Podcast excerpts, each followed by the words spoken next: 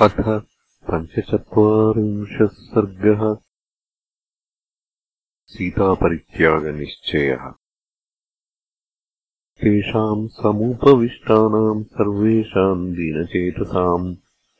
उवाच वाक्यम् काकुत्स्थो मुखेन परिशुष्यत। सर्वे शृणुतभद्रम्बो मा कुरुध्वम् मनोऽन्यथा पौराणाम् मम सीतायाम् यादृशी वर्तते कथा। पौरापवादः सुमहांस्तथा जनपदस्य च वर्तते मयि बीभत्सा सा मे मर्माणि कुन्तति। अहम् किल कुले जात इक्ष्वाकूणाम् महात्मनाम्। सीतापि सत्कुले जाता जनकानाम् महात्मनाम् जानासि त्वम् यथा सौम्य दण्डके विजने वने। रावणेन हृता सीता स च विध्वंसितो मया। तत्र मे बुद्धिरुत्पन्ना जनकस्य सुताम् प्रति। अत्रोषितामिमाम् सीताम् आनयेयम् कथम् पुरीम्।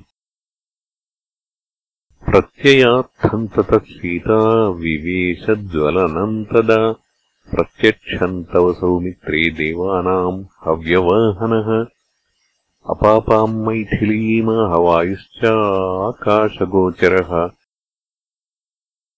चन्द्रादित्यौ च शंसेते सुराणाम् सन्निधौ पुरा। ऋषीणाम् चैव सर्वेषाम् अपापाम् जनकात्मजाम्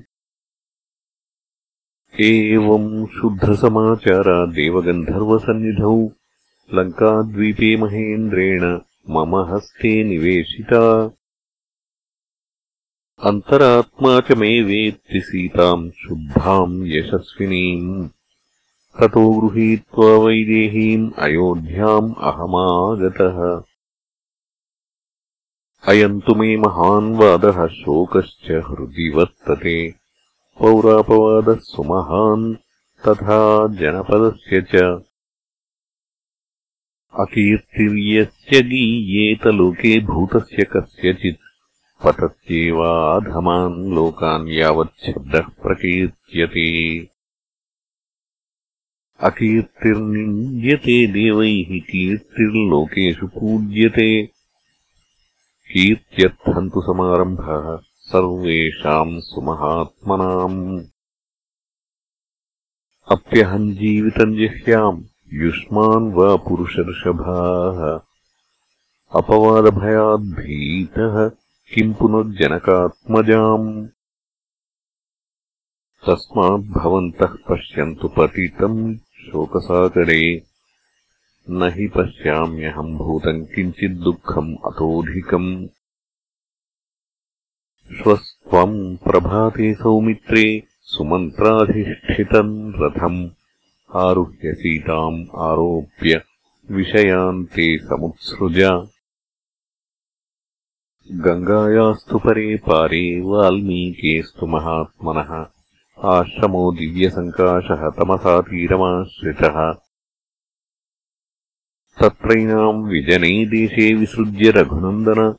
शीघ्रमागच्छ भद्रन्ते कुरुष्व वचनम् मम न च अस्मिन् प्रतिवक्तव्यः सीताम् प्रति कथञ्चन। तस्मात् त्वम् गच्छ सौमित्रे नात्र कार्याविचारणा।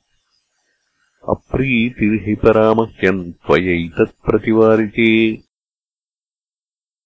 शापिता हि मया यूयम् भुजाभ्याम् जीवितेन च। ये माम् वाक्यान्तरे ब्रूयुः अनुनेतुम् कथञ्चन अहिता नाम ते नित्यम् मदभीष्टविघातनात्।